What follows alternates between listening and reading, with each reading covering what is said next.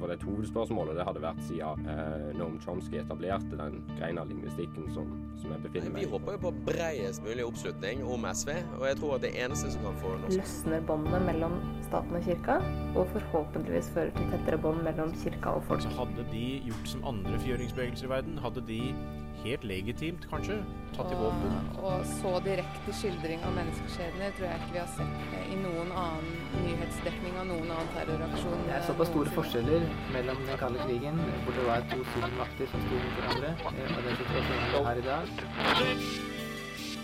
Du hører på samfunns- og aktualitetsmagasinet Opplysningen 99,3 på Radio Nova. Opplysningen 99,3 på Radio Nova. Menn er sterkt underrepresentert på profesjonsstudiet i psykologi. Hva er konsekvensen av dette, og trenger vi flere mannlige psykologer? Har du katt, og vet du egentlig hvordan du skal ta vare på den?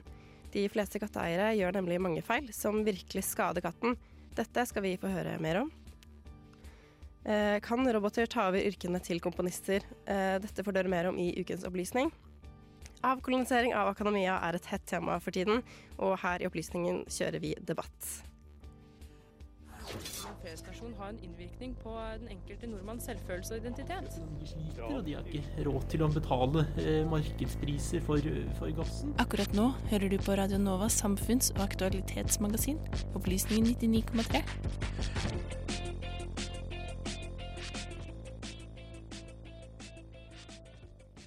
Hei og velkommen til Opplysningen 99,3. Vi er Radio Novas samfunns- og aktualitetsmagasin. Eh, I dag er vi faktisk litt på ettertid fordi brannalarmen gikk idet vi skulle begynne sending. ja. Eh, så eh, ja, men vi er i full gang nå. Mitt navn er Anna Lea Thorseth Poppe, og sammen med meg så har jeg Sara Ben Malek. Hallo. Og Vebjørn Negård Kløgtvedt. Hei, hei. Og vi skal ta deg gjennom den neste timen her på kanalen.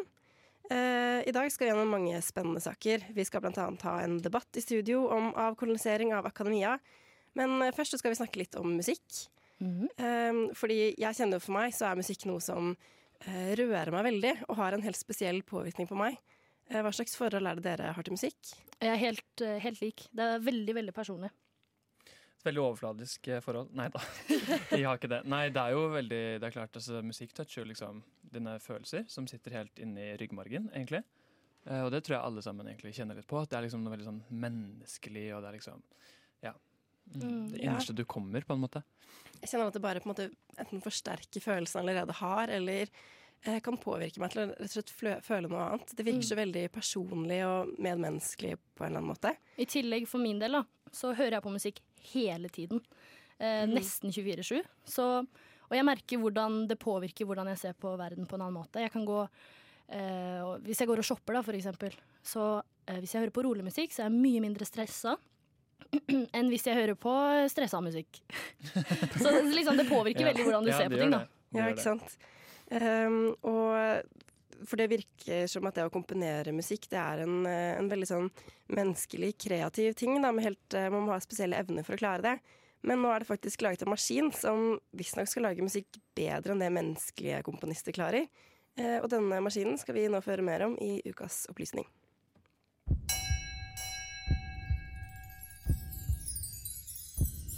Ukas opplysning.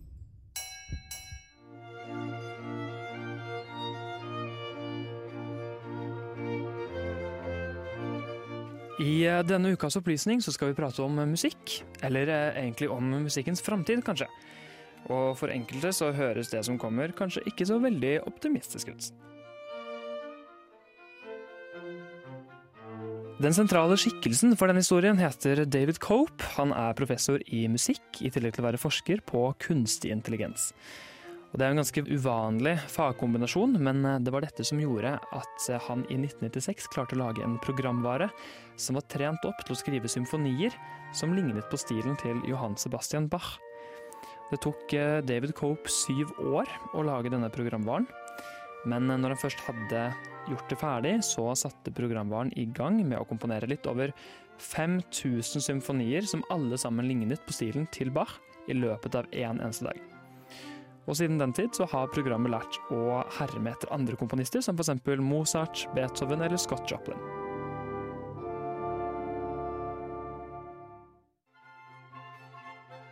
Hvis du tenker at eh, denne musikken umulig kan ha like stor sjel eller vekke så sterke følelser som den geniale musikken som Bach skrev selv, så er du iallfall ikke alene. Flere professorer på den tiden synes dette prosjektet var veldig provoserende, og utfordret til en konkurranse. Der var det en pianist som skulle spille et stykke av Bach, og et annet som var komponert av den roboten. Foran da et stort publikum av musikkstudenter, eh, som i sin tur skulle gjette hvilket stykke som var det ekte Bach, og hvilket som var laget av denne roboten. Og det endte med at disse professorene måtte bite det sure eplet, fordi flertallet av studentene i salen trodde faktisk at det stykket som roboten egentlig hadde laget, var Bach, og omvendt. Og i tillegg så sa også flertallet at de likte robotens symfoni best. Det kan hende du fortsatt tenker at dette høres litt rart ut, og at robotkomponert musikk umulig kan høres særlig livaktig ut. Vel, den musikken som du hører i bakgrunnen her nå, det er faktisk akkurat den musikken vi snakker om. Eh, og den er laget til å ligne på stilen til Mozart. Så du kan jo egentlig bedømme selv.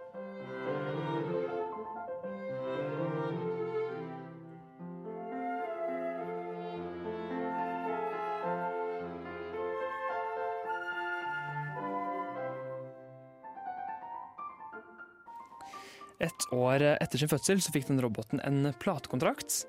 Og Der er det andre komponister også som hermer etter. F.eks. et eh, av Scott Joplin, som du da kan høre her.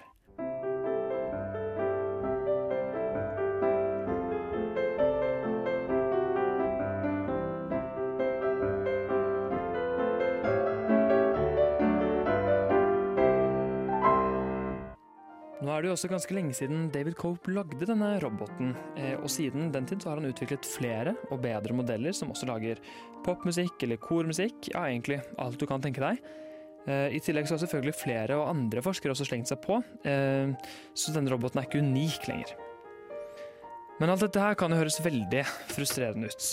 Det føles på en måte bare ikke riktig at så engasjerende musikk, som vekker så sterke følelser, skal være skrevet av en så livløs og kald robot.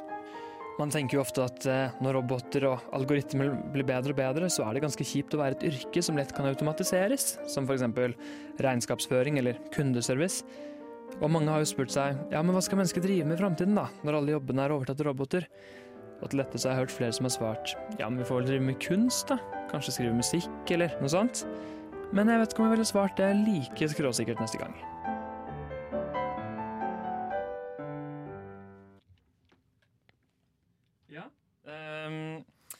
Da har dere fått høre litt om måte, bakgrunnen til denne maskinen. Eh, og da tenkte vi skulle kjøre en liten blindtest her i studio, så kan dere høre selv. Eh, og ja, er dere klare egentlig? Jeg er klar. Mhm. Da kjører vi bare første, første test, og så kan dere da gjette ok, er det her laget av en robot. Altså er det komponert av en robot, spilt av en menneskelig pianist, eller er det komponert av Mozart?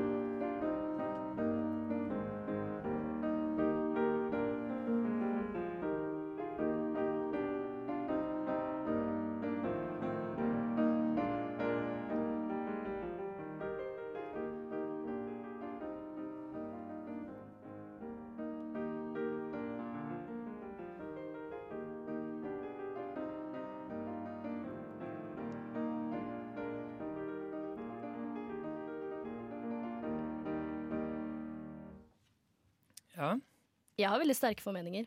Ja. Jeg syns det her høres veldig ut som en robot. Det er litt, litt for mekanisk og litt for lite Det høres ut som en robot. ok. Jeg kjenner jeg har lyst til å høre neste variant før jeg Men hva syns dere da? eh, Likte dere den, eller likte dere den ikke? Jeg syns faktisk egentlig også det høres litt uh, mekanisk ut. Ja. Um, Mm. Men uh, samtidig så kan jo mennesker spille litt mekanisk òg, så det er jo Mm. vanskelig å svare. Ja, det kan Fordi- jo bare være arrangementet liksom, som er sånn. Ja, eh, jeg lurer på om vi kanskje bare skal høre på neste, eller? Vi kjører på med neste.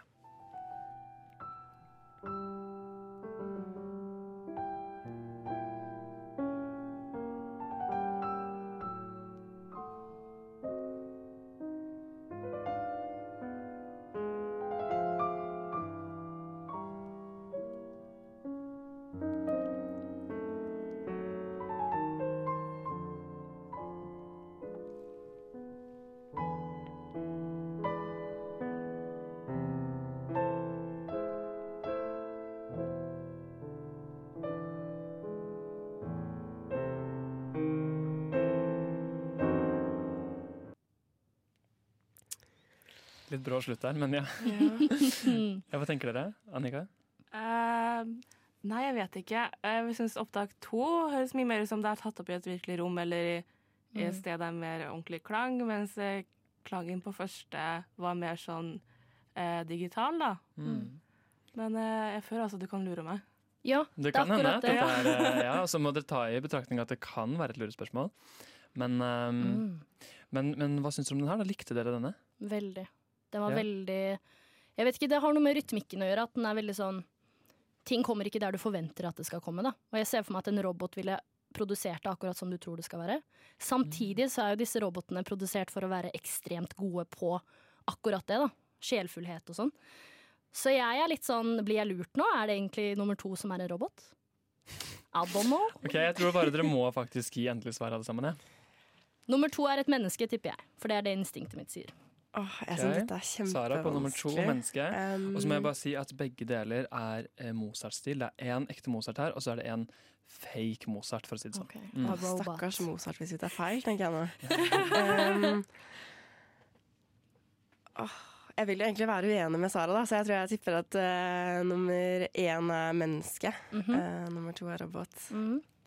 Jeg tror jeg sier meg enig med Ada, for jeg føler kanskje at Mozart sitt klipp, da, ekte Mozart, vil være gammelt og høres dårligere ut. Ja, men det er vel en eh, re, re, respilt? Ja, det er ikke Mozart som spiller, for du kunne ikke ta opp lyd Mm. digitalt på den tiden. Det er jo at det var et gammelt klipp, da. Så det er, ja, ja, men det kan hende. Det kan godt hende. Mm. Ok, men Da er vi to på Mozart er den første, og Sara på Mozart er den andre. Riktig. Ok, men eh, Sara, da kan du lese, for jeg har skrevet svaret på en lapp her. Oh la la. Mm. Skikkelig sånn eh. Hva står det her? Nummer én er Det er en robot. Ja, Å, er så det. bra. Så nummer to er Mozart. Så nummer to er Mozart. Det vil si jeg hadde rett. Det vil si Sara hadde rett, og så Ja. var det to i studio som hadde feil. Vi ble lurt. Mhm. Da ser dere hvor vanskelig det kan være. Og så må jeg bare få lov til å si en ting. At eh, det stykket som dere hørte, det ble spilt inn i 1997. Eh, så det er av for mange 21 år siden. Eh, så de robotene de har blitt ganske mye bedre siden den tid. Mm. Eh, ja. Så det er bare sånn last Wars words her i studio. Mm. Det er derfor det er så dårlig, ja. det kan du si. Ja, ja, ja. Ja. Mm. Eh, nei, det kan jo godt hende at eh, robotene en dag kommer til å ta over for eh, de kreative yrkene. Det er jo kjempeskummelt å tenke på, men Mhm. heldigvis så er ikke den dagen i dag. Eh, så vi skal komme oss videre med sendingen. Visste du at som norsk statsborger må du betale nesten 200 000 kroner mer for en treårig bachelorgrad enn det studenter Det er et land som på en måte er eh, stadig i konflikt, og som har vært igjennom eh, mye konflikt. Markedsføringen av Norge som en fredsnasjon har en innvirkning på den enkelte nordmanns selvfølelse og identitet. De sliter, og de har ikke råd til å betale eh, markedspriser for, for gassen. Radio Novas samfunnsprogram Opplysningen 99,3 hver fredag mellom 10 og 11.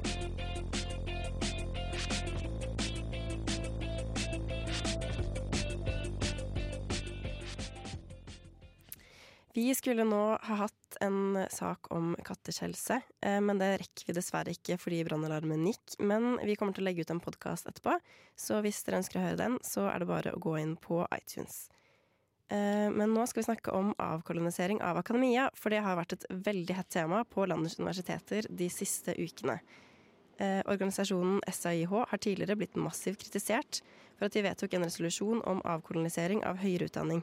På tirsdag arrangerte de et eh, samarbeid med Verdensseminaret, eh, et seminar om akkurat dette. Vår journalist Sara var på seminaret for å lære mer om temaet.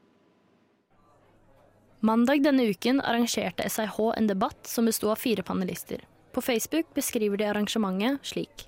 Vi ønsker at studenter og akademikere i Norge skal få en bedre forståelse av hva som ligger i begrepet dekolonisering, og øke bevisstheten om problemene rundt ensidig og ikke-inkluderende kunnskapsformidling, samt hvordan dekolonisering av akademia kan passe inn i en norsk kontekst. Etter debatten fikk jeg prate med Beate Ødegård, som er president i SIH, og Cindy Horse, som er forskningsdirektør og forskningsleder i migrasjon og flyktningstudier ved Fredsforskningsinstituttet, og hun var en av panelistene under debatten. Dette var det Beate hadde å si. Kan du forklare på en enkel måte hva avkolonisering går ut på? Avkolonisering kan forstås på veldig mange ulike måter. Men for SIH så handler avkolonisering om å si ja til nyansert kunnskap og si ja til et mangfold av perspektiver, og utfordre skjeve maktstrukturer. Men sånn helt spesifikt med avkolonisering av akademia, hva går det egentlig ut på? Det kan også bety mange ulike ting.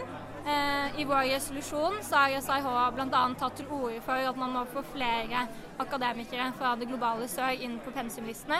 Og spesielt på områdestudier. Hvis man går Latin-Amerika-studier eller Afrika-studier eller Midtøsten-studier, så er det ofte et, eh, en majoritet av akademikere som, som enten baserer seg i eller kommer fra vestlige land, mens akademikere fra regionene man skal studere, er veldig lavt representert på pensumlistene.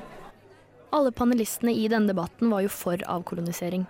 Men hva er argumentene imot, egentlig? Ja, Det finnes også flere nyanser innenfor de som uh, stiller seg kritisk til avkolonisering. Noen er veldig kritisk til å bruke selve begrepet avkolonisering, og vil heller at man skal snakke om mangfold av akademia eller av universitetene.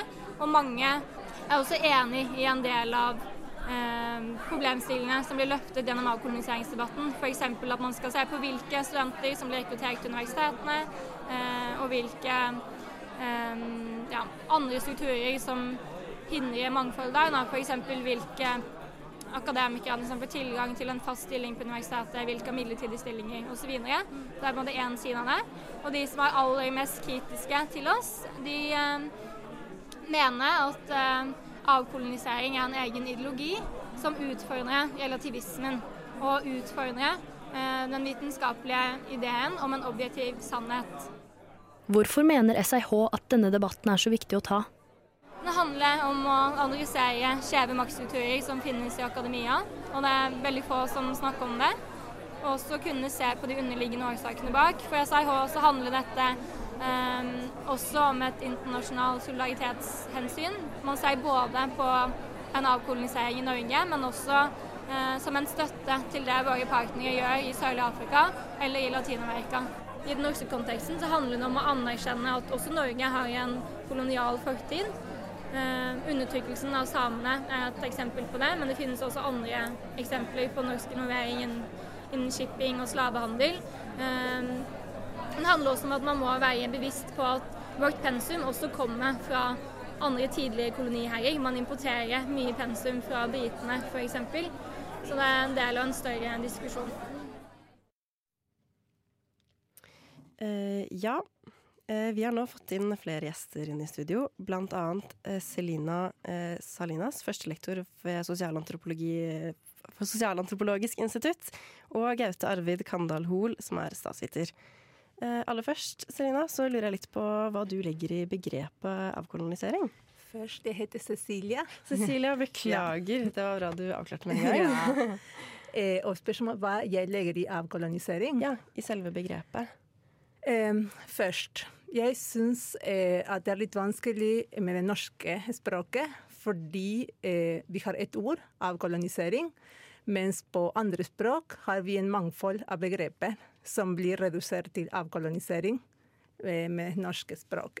Eh, avkolonisering eh, Og det er derfor for meg litt vanskelig å si hva jeg legger i begreper, men jeg skal eh, fortelle hvor jeg kommer inn i denne debatten, og, og, og hvordan jeg eh, tenker på avkolonisering. Og det er at eh, i Latin-Amerika det er en mangfold av perspektiver som går under eh, navnet for decolonial thinking.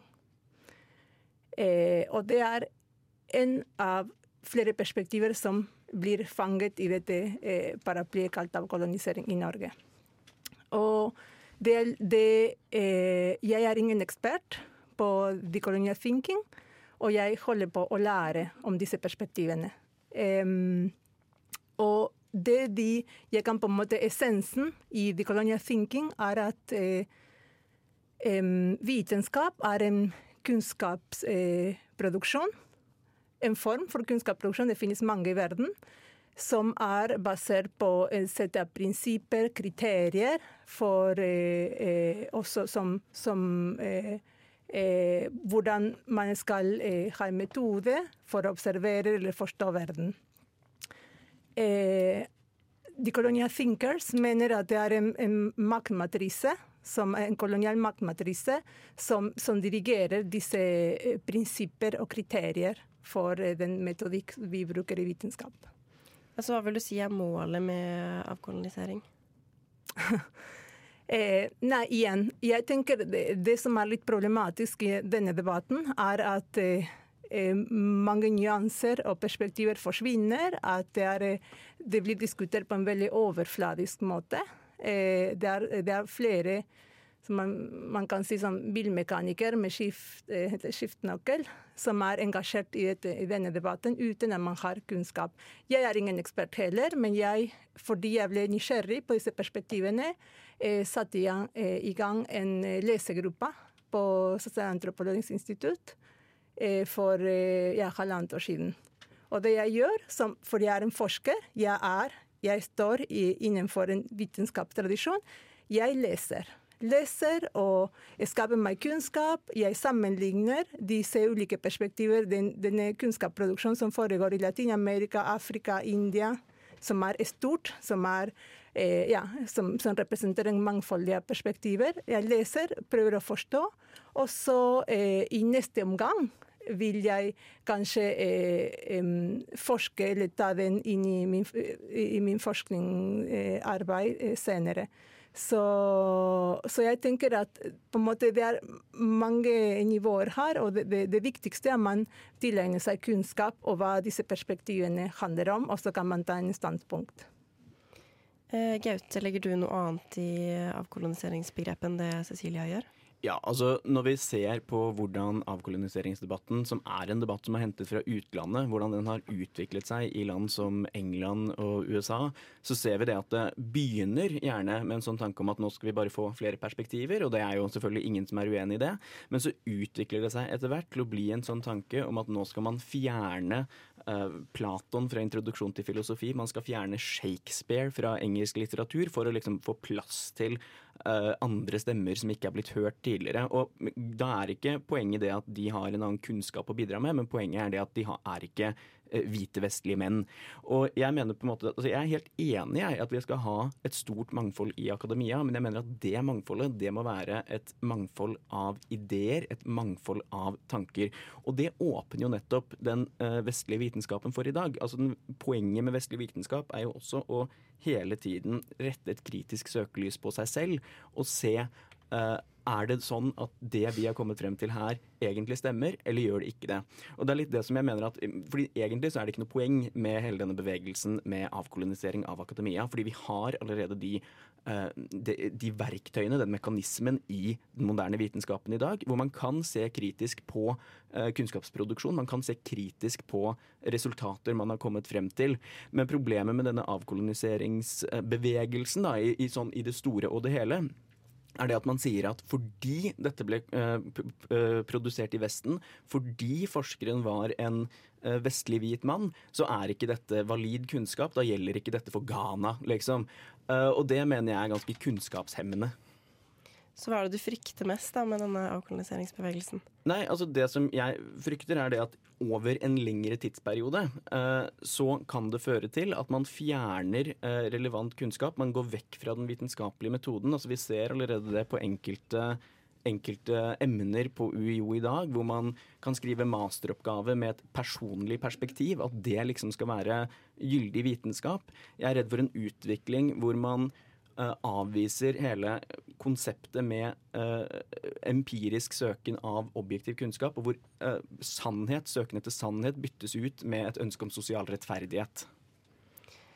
Ja, Cecilie, er du redd for denne, dette scenarioet som han kom med nå? Nei, ikke i det hele tatt. Og jeg tenker eh, som Arne sier, men det er også en, et mine standpunkt. Jeg tror ikke på at vi, at vi, finner en sannhet, eller en objektiv sannhet, universell sannhet for alle sammen.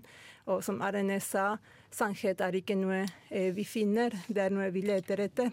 Og det tenker jeg at eh, Akademi akademiet kan åpne til at vi eh, sammen eh, tar til oss andre kunnskaps eh, produksjon eller praksiser andre steder og ser mot eh, ja, den vitenskapsmetoden vitenskap som vi har i dag, og ser hva, kan, hva slags begrensninger vi har, hva slags åpninger vi har. Eh, og jeg tenker at bare, det blir bare en styrke. Og, og jeg eh, jeg skal ikke gå inn på det, men jeg tenker at eh, den diskusjonen også tar også en ståsted fra de kanskje som ikke er så privilegerte. Og det er det. Eh, mens eh, ja, så det er på en måte de ikke-privilegertes ståsted som denne på en måte debatten prøver å ta standpunkt fra. Ja, men altså, du kan jo ta feil selv om du ikke er privilegert. Og det er litt av poenget også, er at én pluss én er lik to, uavhengig om du er i Norge, om du er i Ghana, om året er 1632 eller om året er 2018. Og det er litt det som er mitt poeng i denne debatten her, er det at jo, det finnes noen objektive sannheter. Og så er det f.eks. Eh, i enkelte fagretninger så kan du si det sånn at jo, men eh, man trodde én ting da, og så vet vi noe annet nå. Og det er veldig sant, men da må man gå på spesifikke, eh, det spesifikke, spe, spesifikke feltet og si OK, men er dette sant? Stemmer det? Og hvis man klarer å gjennom den vitenskapelige metoden bevise at noe ikke stemmer, da blir jo det ordentlig Altså da blir jo det kunnskapsproduksjon, da blir jo det en objektiv sannhet. Uh, og det er litt av poenget også, er det der at det spiller egentlig ingen rolle om det er en kvinne eller en mann eller en svart eller en hvit person som kommer frem til at én pluss én er lik to. Poenget er at det er det. Uh, og det er ikke noe relativt med det. Men mennesker eller medstudenter fra Universitetet i Oslo som studerer f.eks. Midtøsten-studier eller Latin-Amerika-studier i dag, forteller at de leser ingenting som er derfra. De leser det europeere og vestlige folk har skrevet. Er du imot mangfold i hva vi leser Nei, selvfølgelig ikke. Altså, jeg ser jo selvfølgelig argumenter for at hvis du studerer Latin-Amerika-studier eller Midtøsten-studier eller whatever, så må du gjerne bruke noen som altså, Det kan hende det at eh, teorier om statsdannelse uh, etter den vestfaliske freden i Europa kanskje ikke er den beste måten å forklare statsdannelse i Saudi-Arabia eller Jemen på. Det er jeg helt med på, men det er jo ikke men, men da handler det jo nettopp om det der at man Uh, bruker de, de, verktøyene som man allerede har, til å finne ut av hva er det som er sannhet i Hvis du har et samfunn som du har i Saudi-Arabia f.eks., hvordan er det statsdannelsen har utviklet seg der? Da kan det hende at det er en person fra Midtøsten som har et, en bedre forklaring på hvordan det har vært enn en person fra Europa. Men poenget er også litt at det betyr ikke fordi at en person er fra Europa, at den personens analyser av situasjonen er feil. Vi har en gjest til i studio, nemlig Torgeir Kolshus, som er førsteamanuensis ved Sosialantropologisk institutt. Hei, Hei. Eh, denne debatten har jo ofte blitt fremstilt veldig polarisert i media. Eh, men er den så svart-hvitt, tenker du, eller? Nei, den er ikke svart-hvitt. Og, og det kan selv si at noe av problemet er at det er mer av et sjakkbrett. altså Folk snakker konsekvent forbi hverandre. Det har vært en veldig rotete debatt, og jeg savner at noen tar ansvar for å si hva vi forklarer ståstedet, hva som vi noe forbilledlig gjort her. Eh, hva legger, hva, legger, eh, hva legger, vi i det når vi snakker om avkolonisering? Det er et mye bedre utgangspunkt. Så skjønner man faktisk at noen felter snakker man ikke om det samme, og andre så gjør man faktisk det. og Det er der det er interessant å diskutere. Så jeg synes, eh, For meg så, så, så vi, det blir veldig viktig ting som ble trukket fram her. Frykten for essensialisering, altså det at den som snakker er egentlig mer over, er overordnet budskapet, den, den stiller jeg meg helt og holdent bak. Det tror jeg er en direkte farlig ting. Jeg syns også det blir problematisk å snakke om privilegert og uprivilegert som om det bare skulle være knyttet til personlige identiteter og ikke faktisk erfaring. Og det øyeblikk vi begynner å pirke i det igjen, er det slik at min, min kjipe barndom f.eks. vil stille meg et annet lys enn det faktum at jeg er en hvit, vestlig, heterofil mann fra det sentrale østlandsområdet? Altså, eh, sånn, når, med en gang vi begynner å trekke inn en sånn vi må, vi må, Hvor du står er viktigere for, for hva du sier enn hva, enn hva, du faktisk har sagt. Da er vi litt på ville veier, tror jeg. Samtidig og det er også noe begge to er inne på, så er dette en, det er en dyd å utsette sin forståelse for kritikk. Og om den kritikken skulle komme fra altså hvor, hvor hen den nå skulle komme fra. Så det verste som kan skje, er at du må ta en runde til med din forståelse og teste den faktisk mot det som har blitt sagt. Og så prøver du den, og så kommer du ut på den andre siden enda litt mer styrket i troen på at ja, dette her er Den er ikke optimal, men den er bedre enn det som er verre. ikke sant? Og det er rett og slett det vi driver med i vitenskapelig praksis. Og all kritikk skal ønskes velkommen. Og så kan man si at noen kritikk kan være grunnløs. Og der er det noen perspektiver innenfor avkolonisering, eller no, noen av retningene innenfor avkolonisering som jeg syns er problematiske, nettopp fordi at de ikke tar, de tar ikke tid til å utsette sin, forstå, sin egen forståelse av nettopp hva som skjer, for den samme kritikken som de krever at andre skal forholde seg til. Så den, eh, og der er vi skillet mellom altså jeg, jeg, er en av de som tenker at, at det er, eller mener at det er noen ting ved den kritiserte vestlige vitenskapen som er bedre enn andre, rett og slett. For, eller som gjør den annen til en annen enn annen, bare hvems hvilken som helst kunnskap. Tre ting som Ernest Geller, en filosof og antropolog, peker på. Det første er at den er atomistisk, at det er små, små små deler, hvor hver enkelt del kan kritiseres og fjernes uten at helheten forrykkes. Det andre er at den er kumulativ, altså den er oppsamlende. Den trekker på tidligere erfaringer og som har vært dårligere, tidlig forståelse som har vært dårligere. Og den tredje er at den er relativt åpent tilgjengelig. Det er ikke sånn at verdien i et kunnskapssystem er at den er lukket eller eksklusiv. Tvert imot. Verdien i vårt kunnskapssystem som vi snakker om her siden vi sitter på et universitet, det er nettopp det at jo flere som vet om den, jo mer prestisje er knyttet til det standpunktet. Men igjen, det er den andre siden av medaljen. ikke sant? Når vi vet det, og for meg så har avkoloniseringsdebatten først og fremst vært bevisstgjørende. For den har bevisstgjort meg rundt min egen siteringspraksis. Hvem er det jeg siterer? Og det er ganske gjennomført, men fra spesielt USA og England. Og så må jeg stille meg selv spørsmål er det fordi de har de beste perspektivene, eller fordi at de tilfeldigvis er lest av de samme folkene som jeg leser? Som dermed siterer til dem, og som gjør at det blir en slags altså det blir en oppsamlet effekt. At det som er viktig, blir viktig fordi at andre har sagt det er viktig. Uten at jeg da selv har brukt tid på å sette meg inn i kanskje det er andres versjoner av dette som ville kunne gitt andre perspektiver. Og der er vi inne i dette gode verktøykasseeksempelet til, til Cecilie.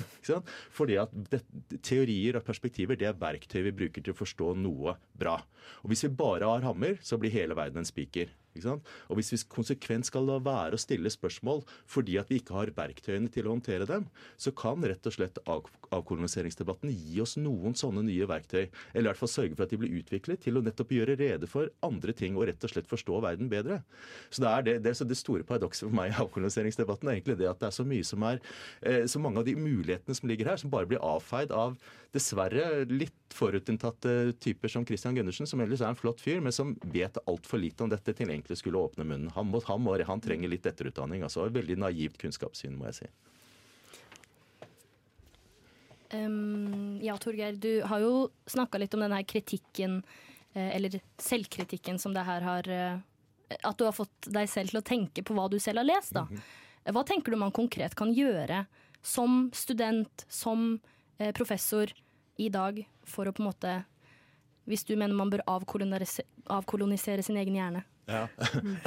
For det første, altså, å, være, å lese originaltekster er kjempeviktig og, altså at, at, så mange studier på Blindern er bygget opp av tekstbøker, er, eller introduksjonsbøker, som gir et destillat av det noen har sagt, det er egentlig en, er en intellektuell skandale, vil jeg påstå. For da ser du ikke bare misforståelsene som har blitt samlet opp over tid, men du får også muligheten til å se rett inn i folks mening, og kan kritisere dem på bakgrunn av det. Og det vi lærer våre studenter, det er å være innmari gode på kritikk.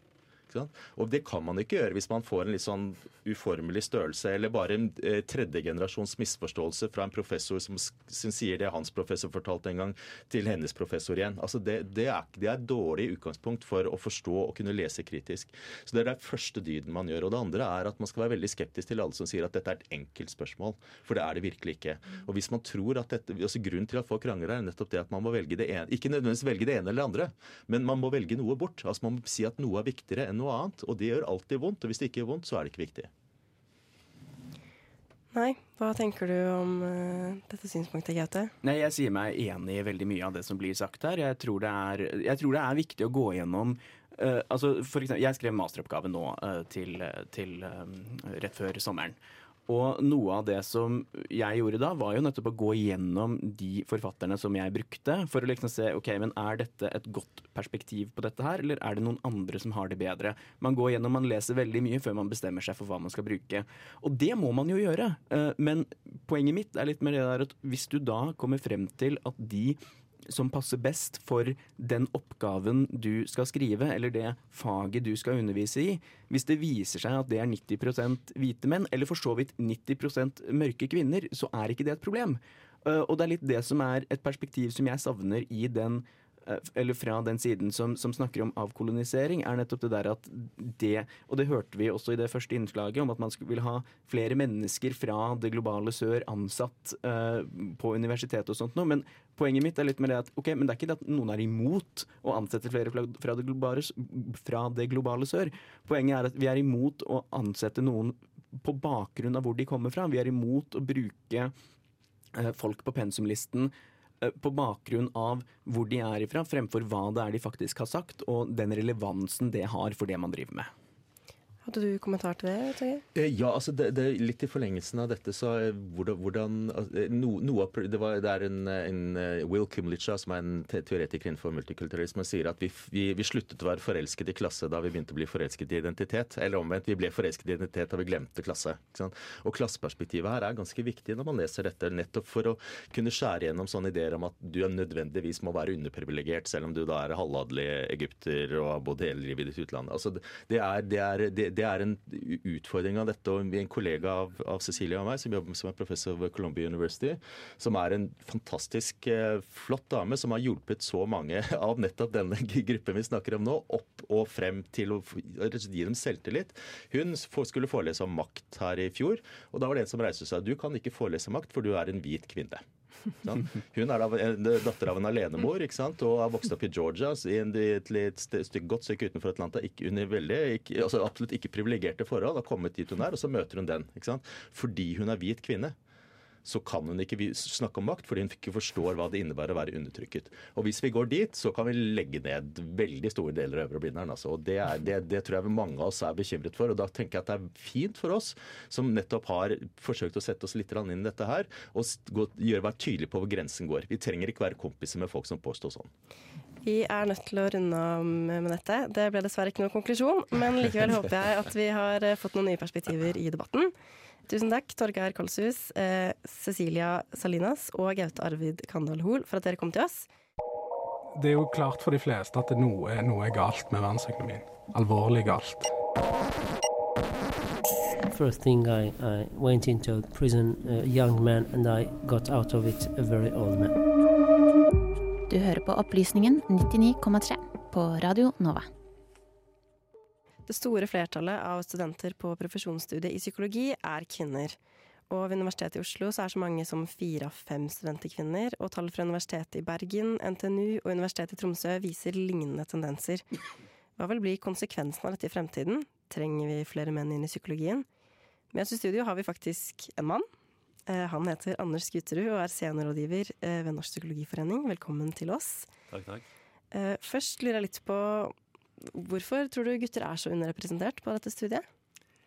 Altså Det ene er jo det helt generelle, at det er mange flere kvinner som kommer inn på de utdanningene det er vanskelig å komme inn på. Altså Medisin, psykologi og en del andre utdanninger krever jo veldig høye karakterer. Og der leder kvinner. Så det tror jeg er den viktigste grunnen. Den andre grunnen tror jeg jo at det er en grad av identifisering også. Altså Vi ser jo at eh, gutter og jenter velger forskjellig utdanning. Og det som er behandler omsorgsyrker, er jo ofte tenkt på mer som kvinneyrker. Jeg vil jo påstå at psykologifaget er mye bredere enn på å si bare omsorg, og at det er veldig mye spennende for menn der også. Så de burde søke mer. Ja, Hva er det Norsk psykologiforening tenker om at gutter er så underrepresentert? Altså, Det er en del gode grunner til at det bør være en likhet i forhold til kjønn.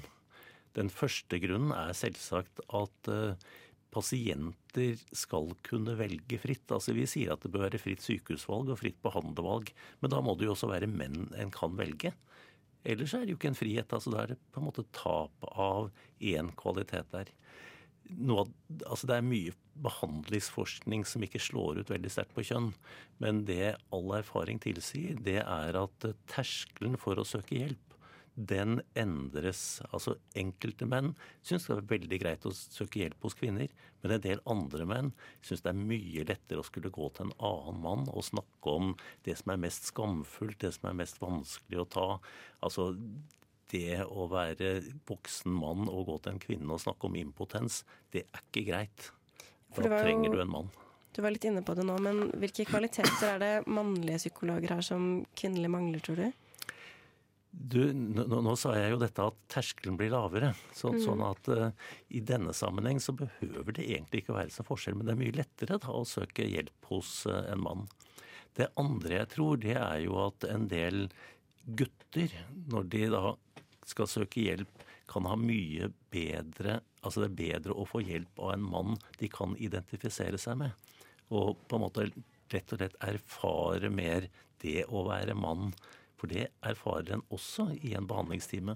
For det er klart det er en del uh, unge menn som, som, på en måte har mye usikkerhet i seg, og som har hatt rett og slett lite erfaring både med farsrollen og med mannlighet fra barnehage og skole oppover.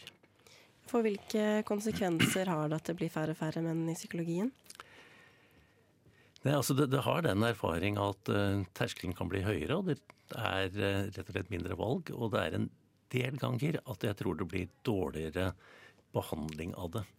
Men jeg tror også det er litt forskjell på menn og kvinner, i hvert fall i vår kultur, i forhold til hva vi fokuserer på i faget. Altså at uh, det å velge forskningsområder og fagutviklingsområder kan slå litt forskjellig ut på, mellom kjønnene. Altså En sånn ting som seleksjon er ofte menn mer opptatt enn kvinner. Og så tror jeg jo det siste det er at uh, når en skal sette sammen team, så er team bedre når de er kjønnsdelte enn når de er bare menn eller bare kvinner i et team. Sånn at det rett og slett blir bedre arbeidsplasser hvis en får begge kjønn på arbeidsplassene. Ja, hva tror du man kan gjøre i fremtiden for å sikre bredere mangfold? Eh. Altså Når det gjelder kjønn, så tror jeg en skal kvotere. Altså ha en, i hvert fall en grad av kvotering inn i studiene. Eh, dette kunne vi jo hatt en kjempelang samtale om, eh, og det er absolutt et viktig tema. Eh, men vi er faktisk nødt til å avslutte sendingen med det. Tekniker for denne sendingen var som alltid Annika Celine Bogen. Medvirkende var Maria Kruselien, Josefine Marstad, Vebjørn Negård Klaugtvedt, Sara Ben Malik og meg selv, Anna Lea Thorseth Poppe. Vi høres igjen neste uke.